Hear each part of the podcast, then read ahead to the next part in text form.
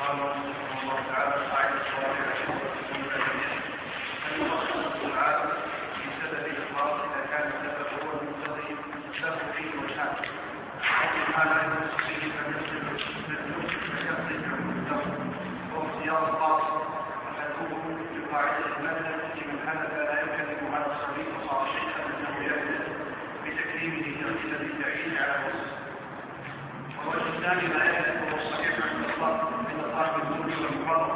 ولكن مستثنى صورة الناس وما أشبهها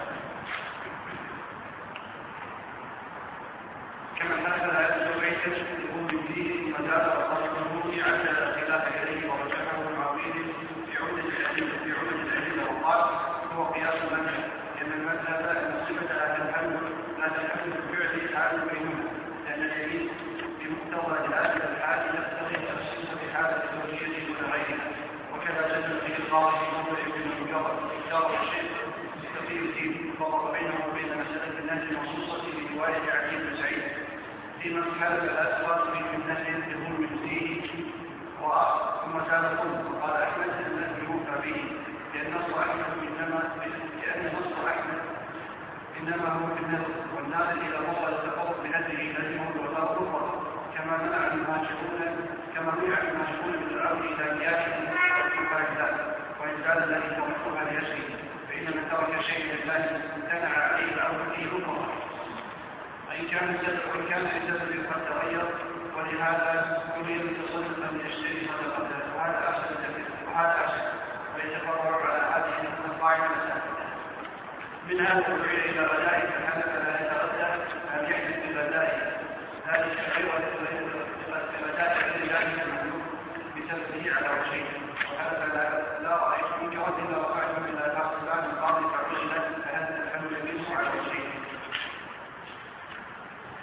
أيضا من القواعد المتعلقة بالعام وتخصيصه ذكر المؤلف رحمه الله تعالى القاعدة الرابعة والعشرون. قد تقدم لنا أن العام هل يخص بالعادة أو لا يخص وهل يخص بالشرع إلى آخره وكذلك أيضا هل يخص بالعرف إلى آخره. ثم بعد ذلك ذكر في هذه القاعدة العام هل يخص بالسبب الخاص به أو لا يخص به؟ لما تكلم عن العام هل يخص بالعرف؟ هل يخص بالعادة؟ هل يخص بالشرع؟ تكلم في هذه المسألة عن السبب الخاص السبب الخاص بالعام هل يخص به أو لا؟ فقال لك هل يخص اللفظ العام بسببه الخاص؟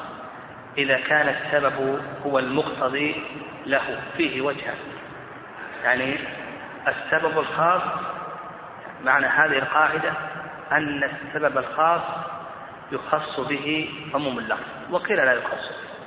السبب الخاص يخص به عموم اللفظ وقيل لا يخص به. ففيه قولان بالنسبة للسبب الخاص. هل يخص به العموم أو لا؟ فيه قولان القول الأول أنه يخص به العموم والقول الثاني أنه لا يخص به العموم. وذكر المؤلف يعني هذا الخلاف ويتضح بالمثال يعني من الأمثلة قال من الأمثلة لو قالت امرأة لزوجها لو قالت امرأة لزوجها تزوجت علي. فقال كل امرأة لي فهي طالب. فقوله كل امرأة لي فهو فهي طالب هذا عام. هل يخص بالسبب الخاص أو لا؟ بمعنى السبب الخاص هل يدخل في الحكم أو يخص ما يدخل في الحكم؟ إن قلنا بأنه يخص ما تطلب. وإن قلنا بأنه لا يخص فإنها تطلب واضح الصورة. لو قالت زوجته له تزوجت عليه فقال كل امرأة لي فهي طالب. بقينا في السائلة هل تدخل في العموم أو نقول بأنها لا تدخل في العموم؟ إن قلنا اللفظ العام يخص به السبب الخاص ما تدخل ما تطلق.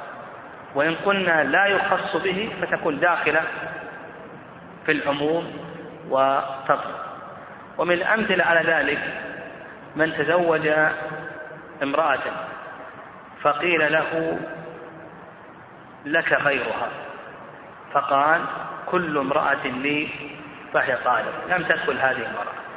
ومن الأمثلة ما ذكره المؤلف رحمه الله. قال لو منها لو دعي إلى غداء فحلف لا يتغدى. لو دعي إلى غداء فحلف لا يتغدى. لو تغدى بغير ما دعي إليه هل يحنث أو لا يحنث ودعي إلى غداء فقال والله لا أتغدى. هذا عام يشمل الغداء الذي دعي إليه وغيره. طيب لو أكل غير هذا الغداء هل يحدث أو لا يحدث إن قلنا بأن اللفظ العام يخص به. السبب الخاص لا يحدث وإن قلنا لا يخص به ويبقى على عمومه فإنه يحدث ومثله أيضا قال أو حلف لا رأيت منكرا إلا رفعته إلى فلان القاضي فعزل هل فهل تنحل يمينه أو لا تنحل يمينه؟ إن قلنا هو قوله لا إلا رفعته إلى فلان القاضي. يعني هل تنحل يمينه أو لا تنحل يمينه؟ أو نقول بأنه عام يشمل هذا القاضي أو غيره.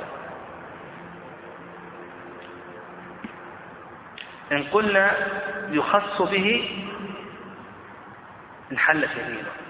وإن قلنا لا يخص به فإنها لا تنحل يمينه يشمل هذا القاضي وغيره. ليس خاصا بهذا ليس خاصا بهذا القاضي. هذا الكلام في هذه المسألة. فتلخص أن المؤلف رحمه الله تعالى لما تكلم عن تخصيص العموم أو العام بالشرع وبالعرف وبالعادة تكلم عن تخصيص العام بسببه الخاص وذكرنا قولين. واستطرد المؤلف رحمه الله تعالى في بعض المسائل خارج عن هذه القاعدة. قال المؤلف رحمه الله القاعدة الخامسة والعشرون بعد المئة.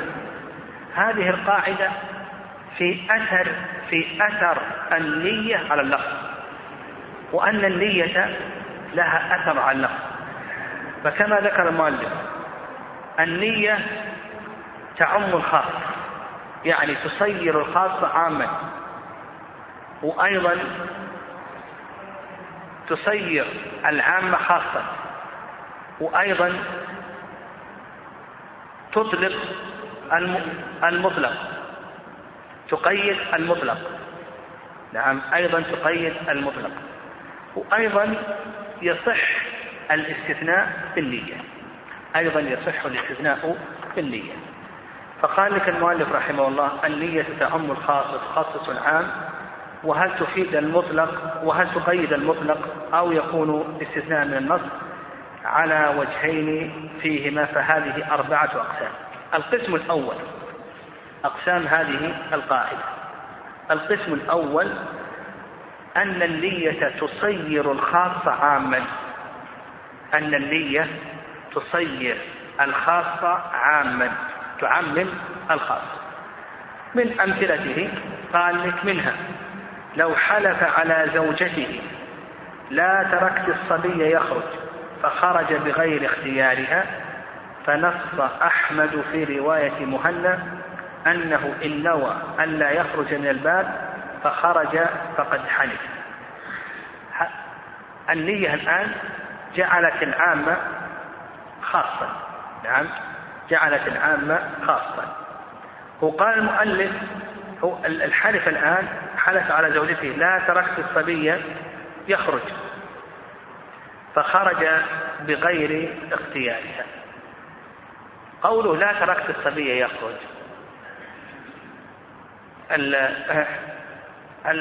المقصود هنا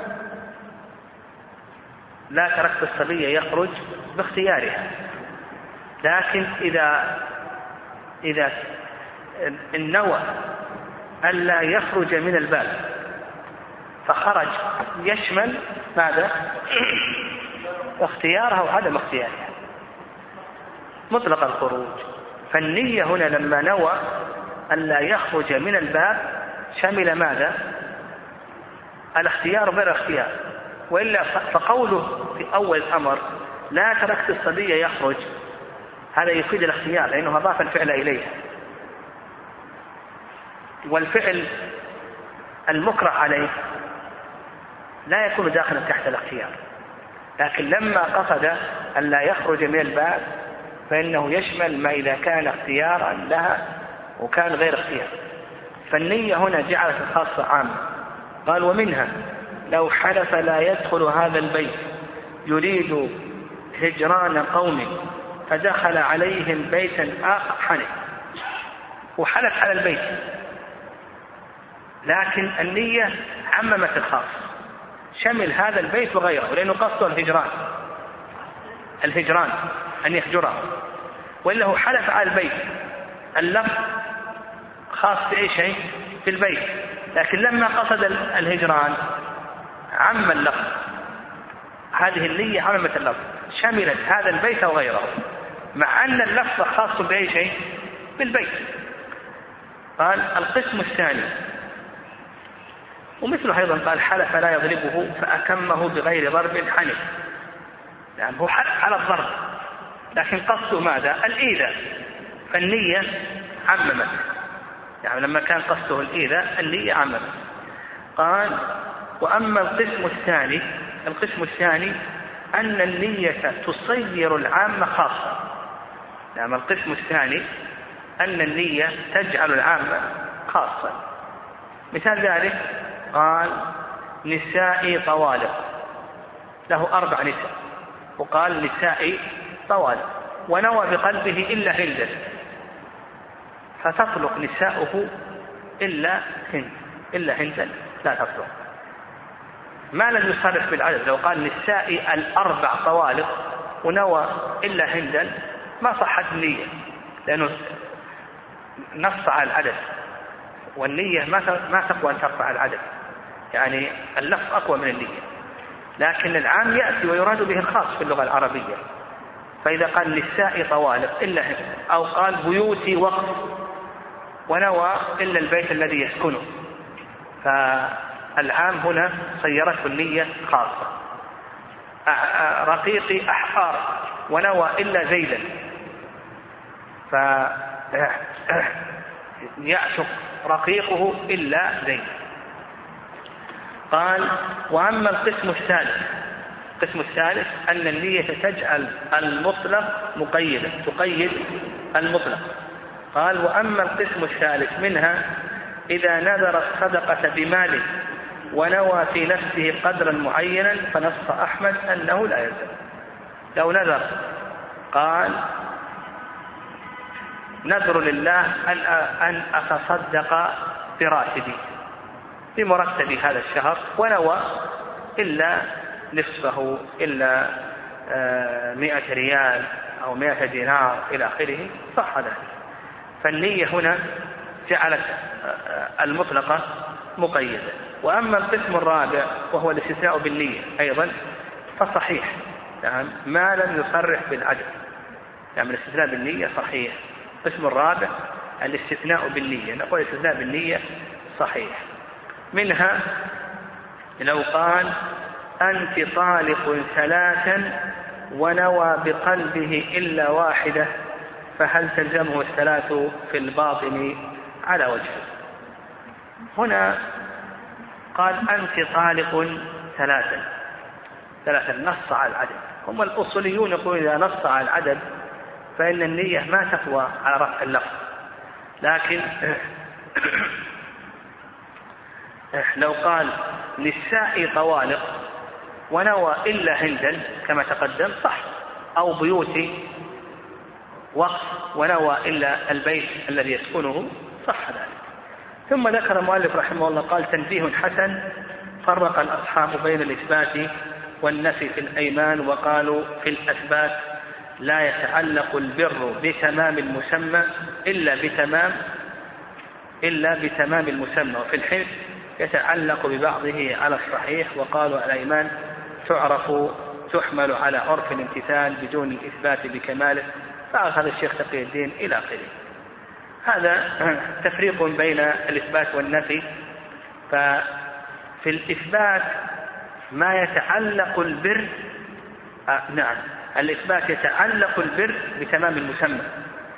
فمثلا لو قال والله لآكلن هذه الخبزة ما يضر إلا بأي شيء؟ إلا بأكل جميع الخبزة. لو أكل بعضها ما ضر. لكن الحلم ما يتعلق بالجميع يتعلق بالبحر. لو قال والله لا آكل هذه الخبزة فأكل بعضها ها؟ يحدث أو ما يحدث يحدث نعم يعني ها؟ القاعدة أن البر يتعلق بتمام المسمى وأما الحنث فيتعلق ببعضه. الحنث يتعلق ببعضه. كما قلنا لو قال والله لآكلن هذه الخبزة ما يضر حتى يأكلها كلها. ولو قال والله لا آكل هذه الخبزة فأكل بعضها حنث نعم حنث بأكل البعض.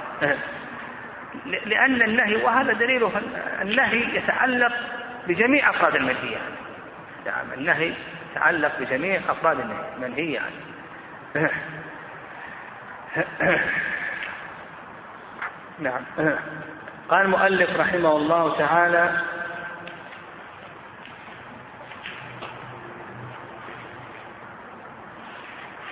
القاعدة السادسة والعشرون بعد المئة.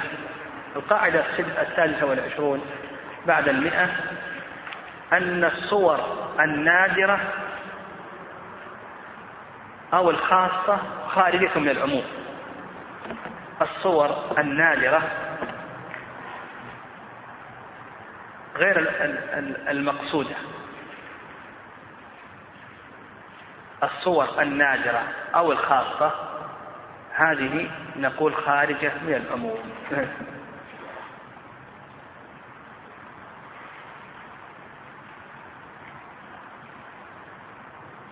يعني قال المؤلف الصور التي لا تقصد من العموم عادة إما لنذورها أو اختصاصها بمانع لكن يشملها اللفظ مع اعتراف المتكلم أنه لم يرد إدخالها فيه هل يحكم بدخولها فيه أم لا؟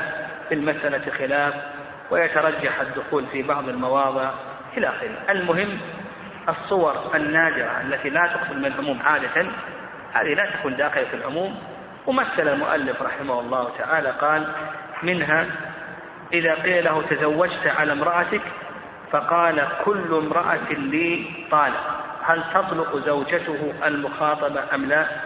إذا قال لم أرد قلت بأنها لا تطلق نعم. لأن هذه الصورة نعم هذه الصورة خاصة. نعم. لا تراد في العموم عادة. عادة لا تراد في العموم. أو حلف لا يسلم على فلان فسلم على جماعة فيهم فلان ولا ولم يرد. ففيه روايتان نقول بأنه لا يحدث.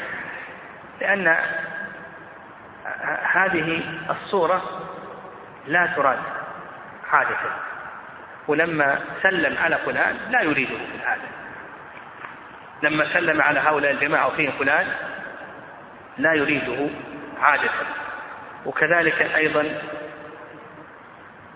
لما قال كل امرأة لي طالق لا تطلق زوجته المخاطبة لأنه لا يريدها عادة. فالصور التي لا تقصد بالعموم عادة إما لإرادتها أو اختصاصها فهذه لا تكون داخلة في العموم. قال المؤلف رحمه الله القاعدة السابعة والعشرون. نعم هذه القاعدة وما بعدها يعني ثلاث قواعد هذه كلها تتعلق في الجنايات. نعم هذه القواعد القاعدة السابعة والعشرين والثامنة والتاسعة هذه كلها تتعلق بالجنايات قال القاعدة السابعة والعشرون إذا استند إتلاف أموال الآدميين ونفوسهم إلى مباشرة والسبب إلى مباشرة وسبب تعلق الضمان بالمباشرة دون السبب هذه القاعدة إذا اجتمع في الإتلاف للأموال أو النفوس مباشر ومتسبب يعني إذا اجتمع مباشر ومتسبب إذا اجتمع مباشر ومتسبب عندنا أصل والأصل هو ماذا؟ تضمين من؟ المباشر هذا الأصل. الأصل تضمين المباشر. وهذا يكثر في حوادث السيارات. في حوادث السيارات يكثر مثل ذلك. يوجد مباشر يوجد متسبب لكن نقول الأصل في ذلك هو تضمين من؟ ها؟ المباشر. اللي باشر الجناية بإتلاف المال أو بإتلاف النفس إذا اجتمع مباشر ومتسبب فذكر المؤلف رحمه الله ثلاثة أقسام نعم ثلاثة أقسام. القسم الأول أن يجتمع مباشر ومتسبب والمباشرة ليست مبنية على السبب أن يجتمع مباشر ومتسبب والمباشرة ليست مبنية على السبب فالذي يضمن من؟ المباشر. الذي يضمن المباشر. وذكر المؤلف رحمه الله أمثلة.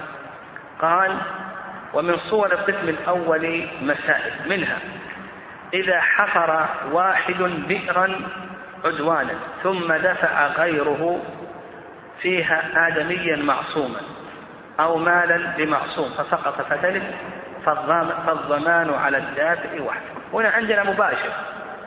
عندنا متسبب. والذي يتسبب ما هو؟ حفر البئر. وجاء شخص ودفع شخص فيها. هذا مباشر. مباشر ومتسبب الضمان على من يكون؟ المباشر لأن هنا المباشر ليست مبنية على السبب. ما فيه آه، ارتباط بين الحفر وبين الدفع هذا حفر اليوم بعد أسبوع جاء شخص ودفع فيها ما في المباشرة ليست مبنية على السبب. فنقول ما دام أن المباشرة ليست مبنية على السبب ها؟ الضمان يكون على من؟ على المباشر. طيب. قال أو أزال رباط مربوط فنفره آخر. حل رباط الحيوان وجاء شخص نفره. أو الصيد فتح الباب وجاء شخص نفره. مباشر متسبب الضمان على من يكون؟ على المباشر. قال فالضمان على المنفذ. نعم الضمان على المنفذ. طيب هذا القسم الأول. القسم الثاني أن تكون المباشرة مبنية على السبب ولكن لا عدوان فيها. أن تكون المباشرة مبنية على السبب لكن ليس فيها عدوان. فالذي يضمن المتسبب. الضمان نقول بأنه على المتسبب. مثل ذلك قال لك ومن صور القسم الثاني إذا قد إذا قدم إليه طعاما مسموما عالما به فأكله وهو لا يعلم الحال الآكل هو الذي باشر الجناية لكن هل المباشرة فيها عدوان هنا؟ ليس فيها عدوان والمباشرة هنا مبنية على السبب فالضمان يكون على من؟ المتسبب هو اللي قدم السم. وهذا أكله أكل السم باشر الأكل لكنه ليس فيها عدوان. يظنه المباح له. يعني يظنه فعل ما له فعله. فنقول بأنه ماذا؟ ها؟ نقول بأنه الضمان على المتسبب. قال لك فالقاتل هو المقدم. قال منها. المكره على إتلاف مال الغير. المكره على إتلاف مال الغير. المباشر مكره والمكره متسبب. المباشرة هل فيها عدوان؟ ليست فيها عدوان. ليس فيها عدوان. مع أن المباشرة مبنية على السبب. ليس فيها عدوان. فالضمان يستقل به من؟ المتسبب. أو تسليم الأمانة لغير ربها. تسليم الأمانة لغير ربها أيضا عندنا مباشر ومتسبب الذي سلم هذا ليس فيها عدوان هو اللي باشر ليس فيها عدوان. والمكره هو المتسبب. نعم هو المتسبب. فنقول بأنه لا ضمان يستقل السبب. القسم الثالث القسم الثالث. أن تكون المباشرة مبنية على السبب تكون المباشرة مبنية وفيها عدوان. أن تكون المباشرة مبنية أن تكون المباشرة مبنية على السبب وفيها عدوان. فيشتركان المتسبب والمباشر. يعني يشتركان المتسبب والمباشر. قال لك ومن صور القسم الثالث المكره القتل والمذهب الاشتراك في القود والضمان. إذا أكره زيد عمرا القتل فقتل. هنا المباشرة مبنية على السبب والمباشرة فيها عدوان يعني ليس لك أن تقتل. نفسك ليست أولى بالبقاء من نفس المقتول فليس لك أن تقتل فيشترك. المذهب أن القول على المكره والمكره المتسبب والمباشر. قال لك والممسك مع القاتل فإنهما يشتركان في الضمان والقول.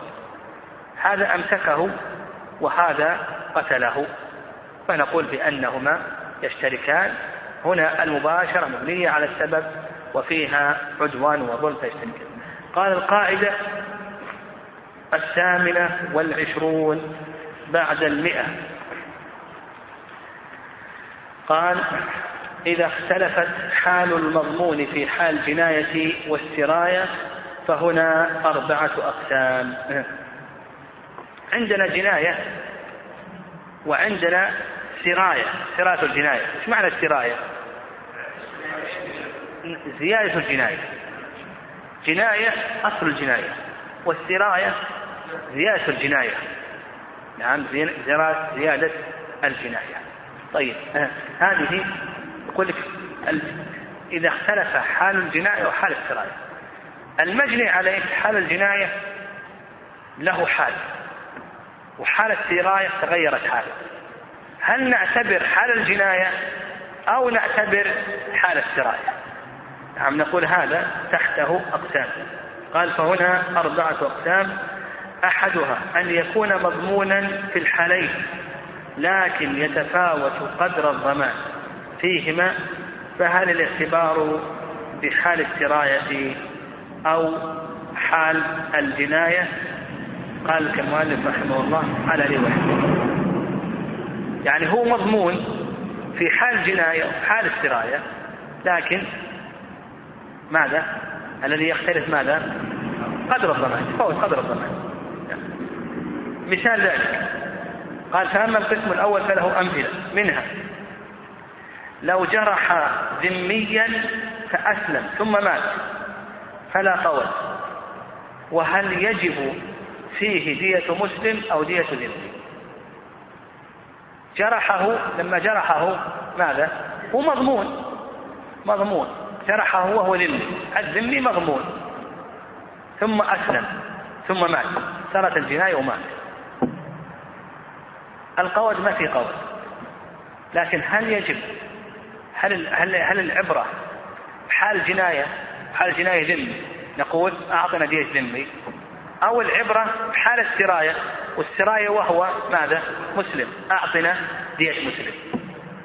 نعم. يقول لك المؤلف رحمه الله على وجهين. نعم.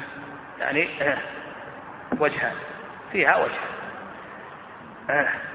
الوجه الأول أنه معتبر حال جناية والوجه الثاني معتبر حال السراية قال والقسم الثاني أن يكون مهدرا في الحالين.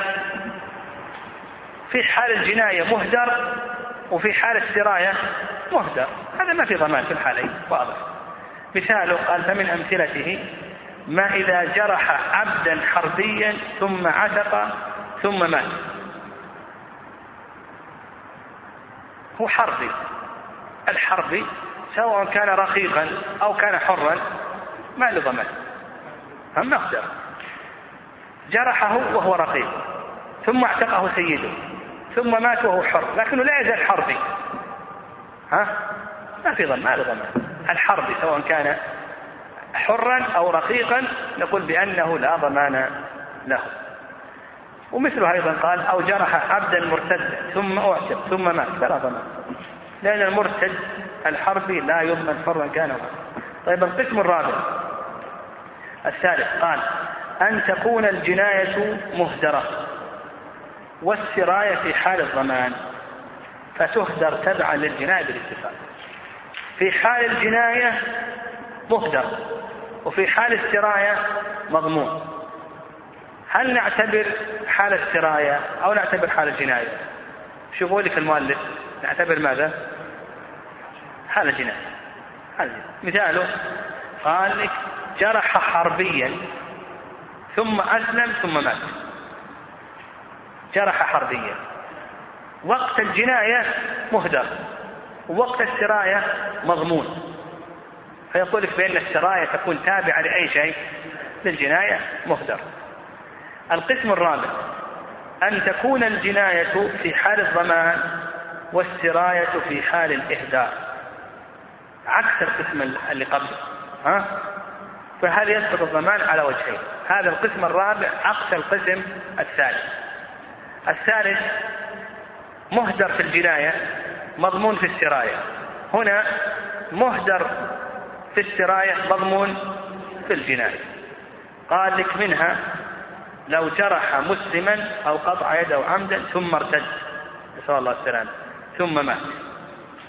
فهل يجب القود في طرف في طرفه أم لا؟ على وجهين المرجح عدم. قطع يده وهو مسلم ثم ارتد ثم مات. بقينا في اليد التي قطعت وهو مسلم. كانت محترمة. ها؟ هل تضمن؟ أو نقول بأنها لا تضمن. لأنه سرت جنايته الآن. يقول لك المؤلف المرجح عدمه أنه ما يضمن هذا مرتد. نسأل السلامة قال القاعدة التاسعة والعشرون بعد المئة. إذا القاعدة التاسعة والعشرون بعد المئة إذا تغير حال المرمي والرامي. هذه القاعدة ملحقة بالقاعدة السابقة. وليس المؤلف رحمه الله ألحقها بالقاعدة السابقة. لو جعلها قسما كان أحسن. إذا تغير حال المرمي والرامي بين الإصابة والرمي فهل الاعتبار بحال الإصابة أم بحال الرمي عندنا رمي وعندنا إصابة.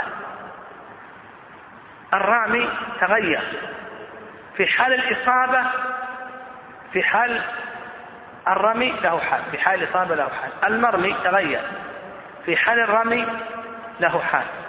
في حال الإصابة له حال ملحقة كما تقدم ها في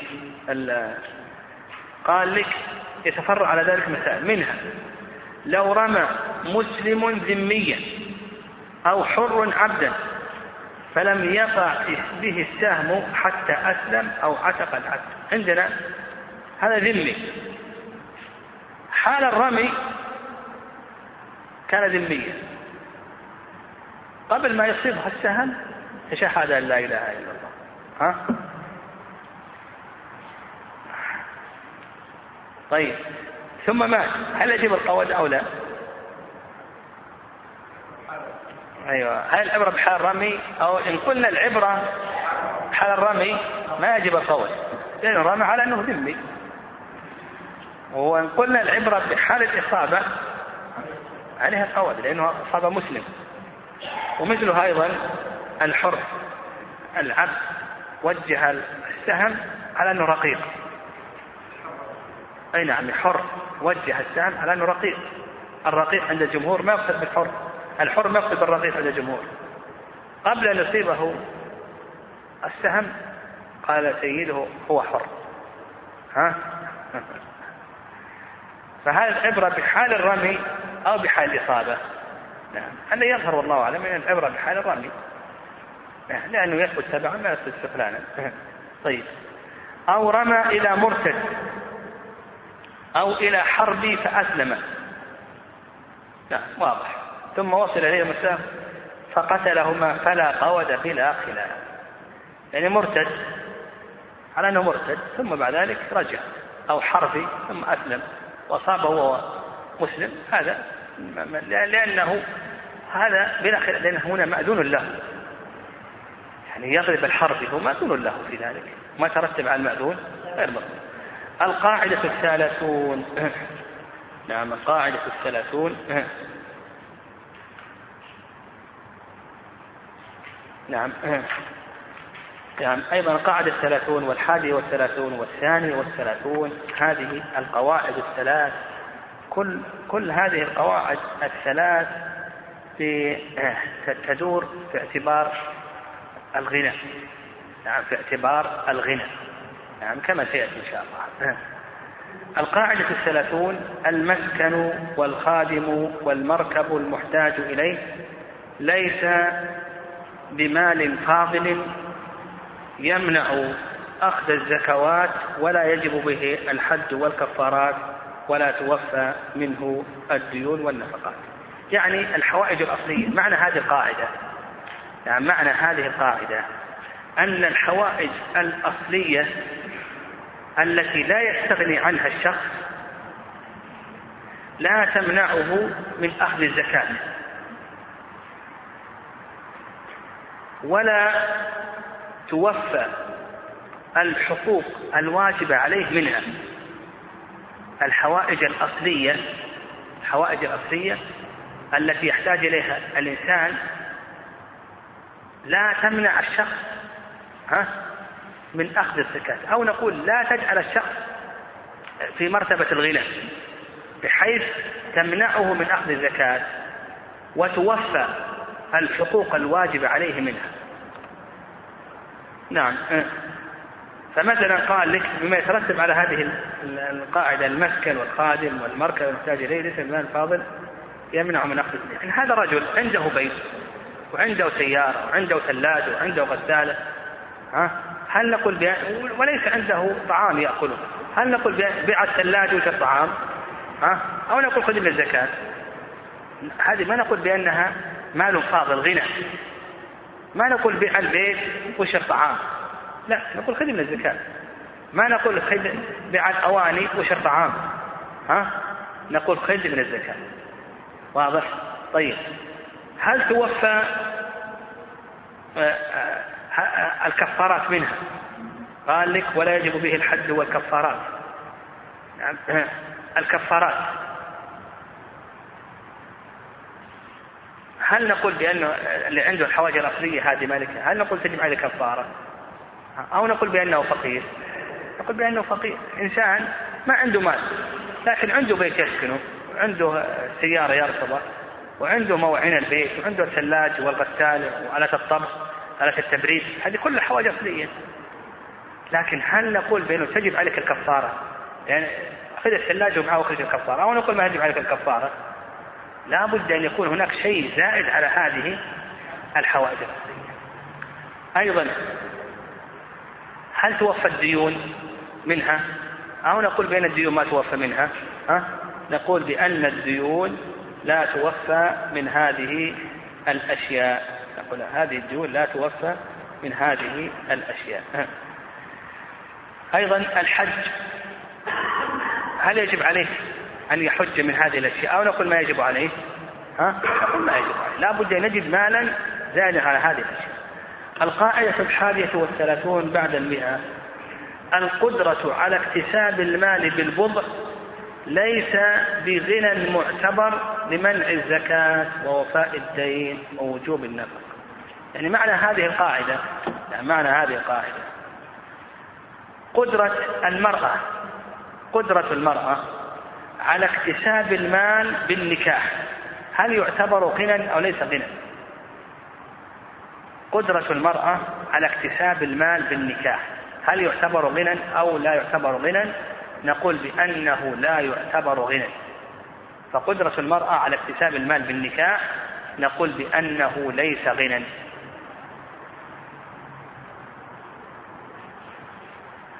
فمثلا امرأة فقيرة. امرأة فقيرة. هل لها أن تأخذ الزكاة؟ أو نقول تزوجي خذي المهر. ولا تأخذين الزكاة. ها؟ واضحة الصورة؟ نعم. نقول لا نقول ما يلزم التزوج هي ما تريد الزواج. قد لا يناسب هذا الرجل. هل نقول يجب عليك أن تتزوجي وتأخذين المهر ولا تأخذين الزكاة؟ نقول لا يلزم هذا. وفاء الدين. هل نقول يجب عليها أن تتزوج لكي تأخذ المهر وتوفي الدين الذي عليها؟ ها؟ أو نقول لا يلزمها أن تتزوج. نقول لا يلزم. وجوب النفقة. هل نقول يجب عليها أن تتزوج لكي تنفق على قاربها؟ أو نقول لا يجب؟ ها؟ نقول لا يجب. طيب القاعدة الثانية والثلاثون بعد المئة. القاعدة الثانية والثلاثون بعد المئة. قال القدرة على اكتساب المال بالصناعات غنى. نعم. هذه القاعدة إذا كان يقدر على اكتساب المال بالصناعة بالحرفة. هذا رجل عنده حرفة عنده صناعة الأبواب الصناديق الكتابة في الحاسب الآلي إلى آخره. فهل نقول يجب عليه أنه يؤجر نفسه ويشتغل ويعمل؟ أو نقول بأنه لا يجب عليه؟ هل نقول بأن قدرته على اكتساب المال بالصناعة غنى أو نقول بأنها ليست غنى؟ واضح؟ ها؟ قال لك المؤلف رحمه الله يترتب عليه مسائل. قال لك القدرة على اكتساب تحت أقسام أحسن خليها على فكرة أقسام. القسم الأول القدرة على اكتساب المال بالصناعات غنى بالنسبة إلى نفقة النفس. ومن تلزمه نفقته.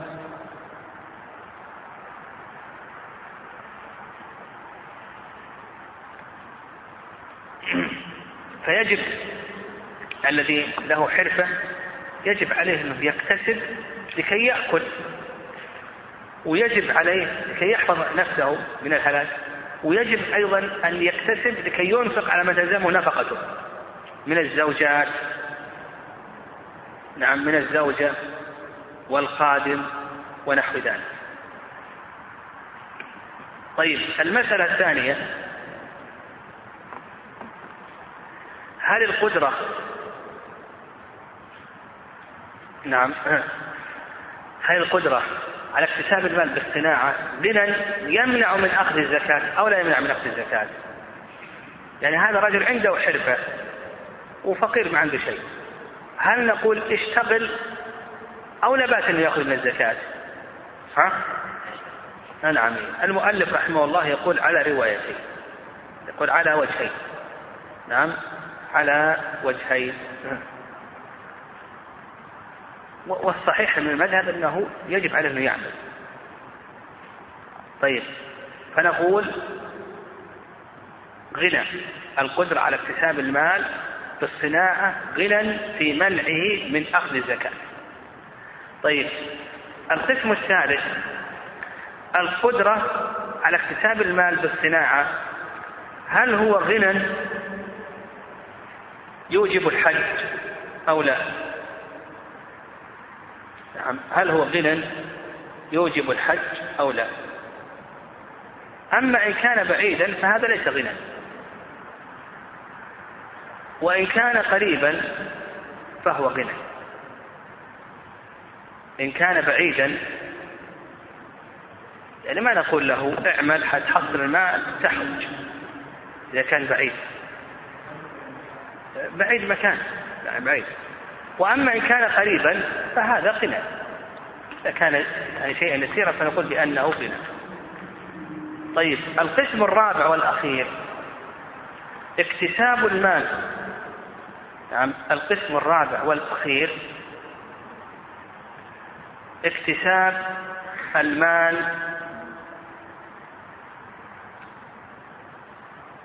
بالصناعة هل هو غنى لوفاء الديون؟ أو ليس غنى لوفاء الديون. المذهب أنه غنى ويجب على الاكتساب يعني هذا رجل عنده صنعة وعليه ديون. نقول اكتساب المال بالصنعة هذا غنى. يجب عليه أنه يعمل لكي يوفي الدين الذي عليه. طيب القاعدة الثالثة والثلاثون بعد المئة. يثبت تبعا ما لا يثبت استقلالا. يعني هذه المسألة سهلة. يعني أن من. من المسائل ما يكون لها حكم إذا كانت مستقلة وحكم آخر إذا كانت تابعة لغيرها من حيث الحل والحرمة والطهارة والنجاسة إذا كانت مستقلة ها يكون لها حكم وإذا كانت تابعة لغيرها تغير ذلك الحكم من حيث ماذا؟ الحل والحرمة والطهارة والنجاسة من الأمثلة على ذلك التعذيب بالنار. حكمه ما يجوز لا يعذب بالنار إلا رب النار. لكن لو أن الشخص أحرق أرضه لكي تعود خصوبتها ها يجوز أو لا يجوز؟ يجوز مع أن فيها حشرات فيها أوام يجوز. فهنا جاء على وجه التبع. يثبت تبعا ما يثبت تبعا. صلاة المغرب فيها تشهدات لكن قد يصلي المرء أربع تشهدات. جاء هذا على وجه ماذا؟ التبع متابعة الإمام. يعني أن تأتي والإمام في التشهد الأول تجلس معه تتابع. ثم يجلس ثم تجلس معه. أدركت الآن ركعة وعملت شهودين تقوم تأتي بركعة تجلس. تأتي بالثالثة تجلس. أربع تشهدات. كل ذلك من أجل ماذا؟ متابعة الإمام يثبت تبعا ما لا يثبت استقلالا. هذا أراده المؤلف رحمه الله. قال لك هنا مسائل قال منها شهادة النساء بالولادة يثبت بها النسب. مع أن النسب ما يثبت إلا برجلين لكن إذا شهدت النساء بالولادة أنها أن هذه المرأة ولدت هذا الولد نسب إلى صاحب الفراش. تبعا. مع أن النسب ما يثبت إلا بأي شيء رجلين. وشهادتهن على إسقاط الجنين بالضربة يوجب الغرة. إذا شهدنا على أن هذه المرأة هي التي ضربت هذه المرأة وسقط الجنين وجبت الغرة. مع أن المال ها يثبت بأي شيء برجل وامرأتين ما يثبت بنساء لابد مع النساء رجل المذهب. نساء منفردات ما يثبت وشهادة المرأة بالرضاع يقبل ويتفرع عليه انفساخ النكاح. إذا أنها أرضعت هذا الرجل وهذه المرأة فسخ النكاح مع أن الفسوق ما يثبت إلا برجلين. وإذا شهد واحد برؤية هلال رمضان ثم أكملوا العدة ولم يروا الهلال فهل يفطرون على وجهين؟ فإذا قلنا بأنهم يفطرون خرج الشهر بناء على رؤية واحد. يثبت تبعا ما يثبت استقلالا. ولو أخبر واحد بغروب الشمس جاز الفطر بناء على خبره تبعا لخبره وصلاة التراويح ليلة الغيب تبعا للصيام. صلاة التراويح ليلة الغيب ماذا؟ نعم صلاة التراويح ليلة الغيب على المذهب يجب يدخل رمضان احتياطا. وتصلى التراويح تبعا يثبت تبعا ما قال القاعدة الرابعة والثلاثون. نعم. القاعدة الرابعة والثلاثون. المنع أسهل من الرفض. المنع أسهل من الرفض. والاستدامة أقوى من الابتداء. يعني منع الشيء ابتداء أسهل من رفعه إذا اشتغل أصبح له حكم. وقبل الاشتغال ها يكون له حكم آخر. المنع أسهل من الرفع يعني الشيء في ابتدائه له حكم وفي أثنائه له حكم آخر. قال لك المؤلف رحمه الله ويتفرع على ذلك المسائل كثيرة جدا منها تخمر الخل ابتداء. بأن يوضع فيه خل يمنع من تخميرها مشروع. تضع في الخل ابتداء ما يمنع الخمر هذا جائز. لكن إذا تخمرت ها؟ ما يصح أن تضع فيها ما يخللها. أن تضع فيها ما يخمرها ما يمنع تخمرها لكن أن تضع فيها ما يخللها نقول بأن هذا لا يجوز. ذبح الحيوان المأكول يمنع نجاسة لحمه وجلده وهو مشروع. السفر قبل الشروع في الصيام يبيح الفطر ولو سافر في أثناء يوم من رمضان استباحة الفطر رواية. يعني قبل الشروع يجوز لك أن تفطر لو سافرت قبل طلوع الفجر يجوز. لكن بعد طلوع الفجر هل يجوز لك أن تفطر ولا يجوز؟ المنع أسهل من أي شيء؟ من الرفع. يعني قبل الشروع فيه يجوز لك أن تفطر. لكن لما شرعت فيه هذا فيه روايتان يقول مال وإن كان الصحيح أنه يجوز لك أن تفطر. واختلاف الدين.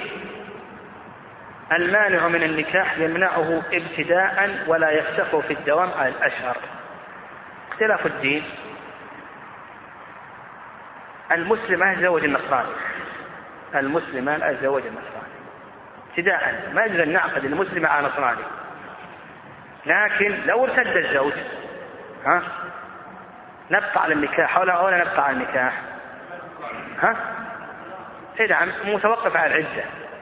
نعم وشيخ الإسلام يقول أيضا حتى بعد العدة نبقى على النكاح. ها؟ نعم إلى أن يرجع الزوج. إن لا ان تتزوج وشيخ الإسلام يقول العدة ما دامت في العدة ممنوعة من الزواج. لكن بعد العدة إن شاءت أن تبقى وشاءت تتزوج. لكن لا تمكنه من نفسه. نعم. نعم. قال والإسلام يمنع ابتداء الرزق ولا يرفعه بعد حصوله. نعم. نعم. نعم. بسم الله. قال المؤلف والإسلام يمنع ابتداء الرزق ولا يرفعه بعد حصوله. يعني لو أن الرقيق أسلم قبل أن يضرب عليه الرق قبل أن يؤسر يضرب عليه الرق يمنع استرقاقه. لكن لو أسر وضرب عليه الرق ثم أسلم. ها؟ هل يرتفع الرق عنه أو لا يرتفع؟ نقول لا يرتفع المنع أسهل من الرفع. قال المؤلف رحمه الله القاعدة الخامسة والثلاثون بعد المئة هذه القاعدة الخامسة والثلاثون والقاعدة السادسة والثلاثون في الوطء في وطء الأمة. الأصل هو حل وطء الأمة والذين هم لفروجهم حافظون.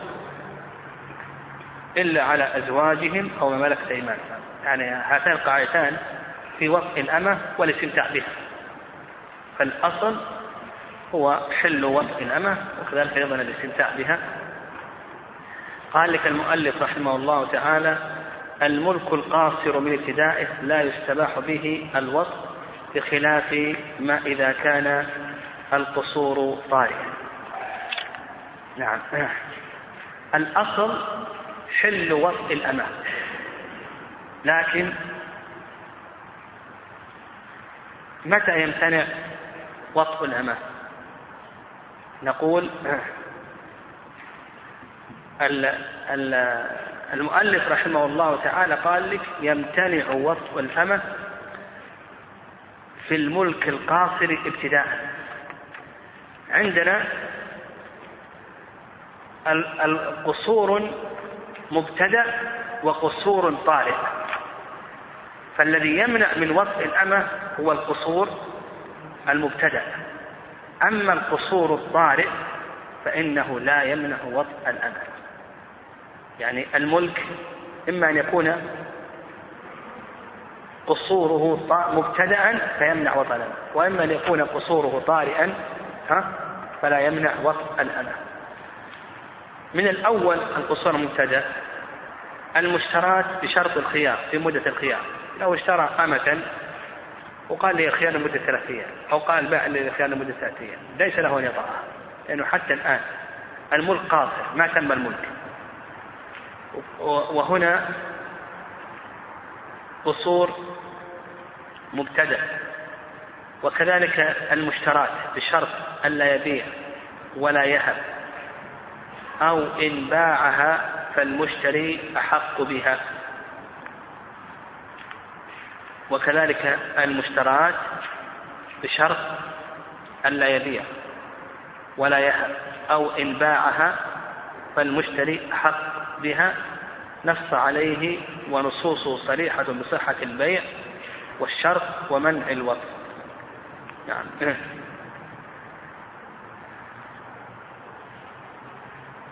فالمشترات بشرط الخيار في مدة الخيار ليس له أن يطأها. وكذلك أيضا المشترات بشرط أن لا يبيعها ولا يهبها أو إن باعها فالمشتري أحق بها.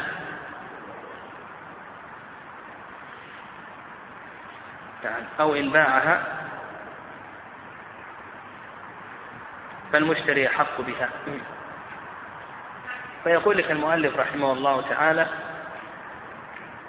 بأنها لا توطى لأن الملك هنا قاصر ليس الملك تاما ما دام أنه قد اشترط عليه أنه لا يبيع ولا يهب ما ملكها ملكا تاما يعني ملك التصرف فيها ليس ملكا تاما فليس له الحق في الوقت أما القصور إذا كان طارئا فإنه يضيف الوضع. قال لك ومن الثاني أم الولد. أم الولد. آه آه.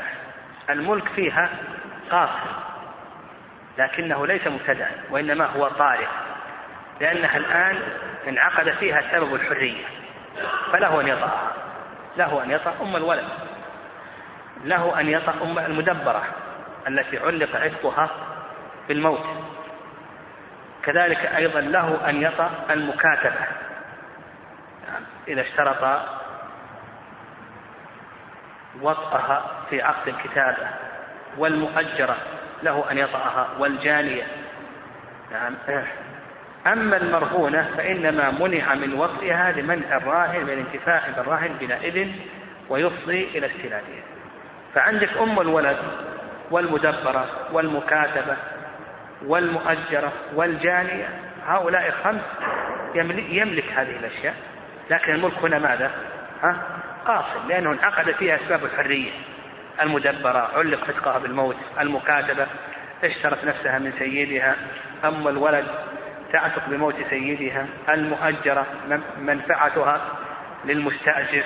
الجانية آه، الجناية تعلقت برقبتها. فملك هنا قاصر له أن يطأ هذه الأشياء. المرهونة لا يملك أن يطأها لماذا لا يملك أن يطأ المرهونة؟ لأنها تصير ماذا؟ أم ولد وأم الولد لا يمكن بيعها. وحينئذ ما يمكن يوفى الدين.